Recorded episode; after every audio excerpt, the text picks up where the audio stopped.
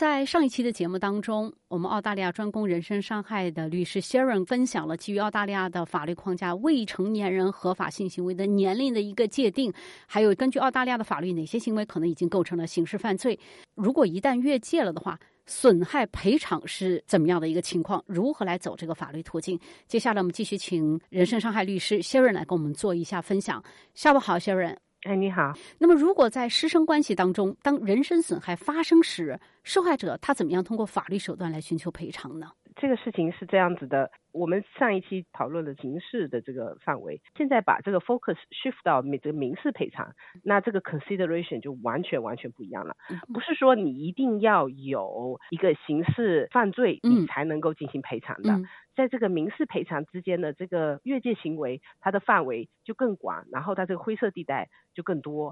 刑事赔偿呢是犯罪分子和国家公诉来告这个犯罪分子，他的目的是要惩戒这个犯罪。那民事赔偿呢，它的整个 focus，它的这个重心就不一样，重心是因为这个受害人因为一些事情的发生，他遭到了损害，那他要追责，需要。进行赔偿，进行索赔。那在这个情况下呢，你索赔的就是你的，你作为原告，你可以向两个类型的被告进行索赔。一个是犯罪分子本人，比如说这是一个医生，比如说这是一个学校的老师，你可以告他本人。如果这是发生在学校，是个师生关系；如果是在医院，这是一个医患关系，你可以告这个学校，或者是告这个医院的。这个就是大的框架是这样，具体的赔偿考虑的方面就比较复杂了。但是出发点就是因为这个事情发生在我身上，那犯罪分子是需要负责的，那这个医院和这个学校他也是有责任的。所以说我们这个告的是这个医院或者是学校。嗯，刚刚讲到了。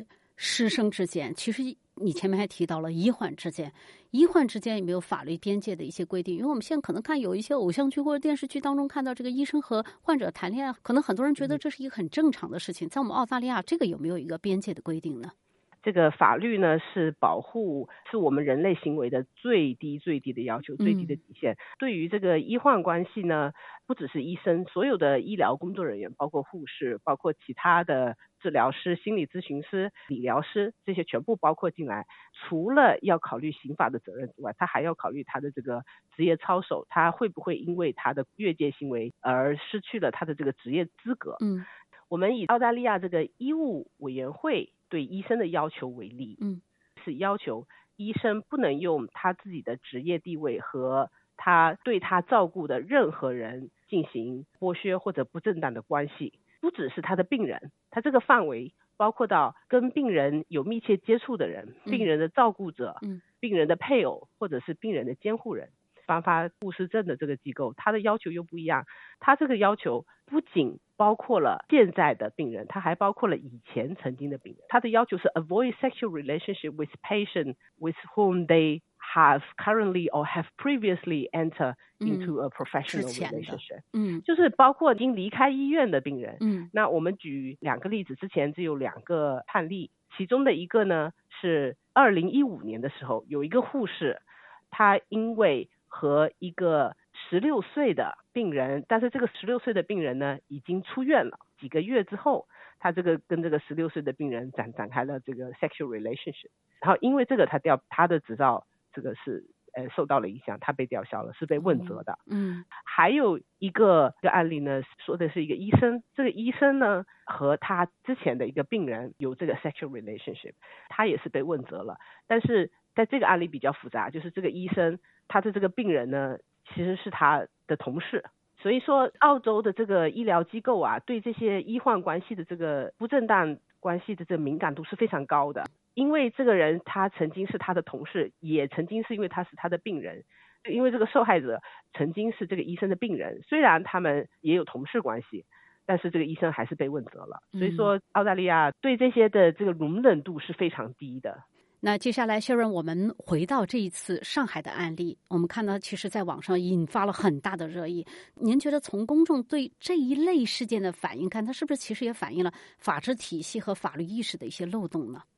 首先说，这个法律体系，法律的体系是在不断完善的。嗯，在某一些特殊关系之中，这个地位不平等对造成的这个情况呢，嗯有一些特殊关系是要被单列出来，是不可以用一刀切的方式按照所有正常的标准来考虑的。我觉得这个是一个需要法律上需要改进的地方。关于大家的法律意识来讲，很多人很多网友的评论呢都是。在一种娱乐的心态来看这件事情的，但是在这个在整件事情之中，对我来说，第一件事情是这个涉事的这个男学生他是一个受害者，有没有人考虑到他是不是需要什么样的心理辅导？他可能并不是像两个成年人谈恋爱一样是处在一个平等的地位上的，所以说在这段关系之中，他是一个受害人。再加舆论的这些很多人的评论啊，对他是有很大的影响。嗯，这让我也看到了，网上有网友，但大部分我看到都是表现对这个震惊还有谴责。我确实也看到网上有留言，好几个说已读聊天记录全完，因为他们这个聊天也被抛到了网上。有人留言说，这个网友说只能说两情相悦挺好。所以当您看到这样的留言的时候，作为一个专业的律师来讲，您是一种什么样的心情？这个其实是非常令人难过的。首先，他们两个人的两情相悦是在一个他们的地位完全不平等的情况下，嗯，发生的两情相悦。那么，这个真正是两情相悦吗？第二个，一些事情发生了之后，我们对未成年人的保护是有原因的，因为他们是未成年人，需要更多的保护。这些事情发生了之后，不只是当下他的这个受害人的反应是怎么样，是这个事情发生了过去了五年、十年之后，当他回想起来的时候，对他的影响是怎么样的？所以不是说具体发生了什么事情，而是这个受害人他自己是怎么理解这个事情的。有的时候呢，这些精神伤害不是在发生的时候就开始产生了伤害，而是它有滞后，它有滞后，他结束了之后，他才会慢慢体现出来这件事情对他的影响有多大的。我觉得在这种情况下，大家的重心应该是要保护受害者，保护这个事件之中这个受害的弱势的这一方为出发点，然后还有关于这个年龄，还有关于两情相悦的这件事情，那在我们之前谈过，在法律上它并不是我们想象之中在一个平等地位的，嗯，所以这是一个很不 fair 的一个这样子一个 comment，嗯，所以您刚才提是提到了一个公众的责任。您作为专业律师，跟我们分享一下，就是公众和专业从业者，我们都有哪些共同的责任？公众和专业从业者呢？因为我做了很多这个儿童赔偿的呃性侵赔偿的案件，嗯，我们很多时候事情过去了之后，我们再回看这些事情，其实很多这些事情在之前都是有苗头的。除了这个当事人本身，在他们周围的人其实是能够看出有一些不同来的。但是如果他们周围的人一开始有很高的警惕性，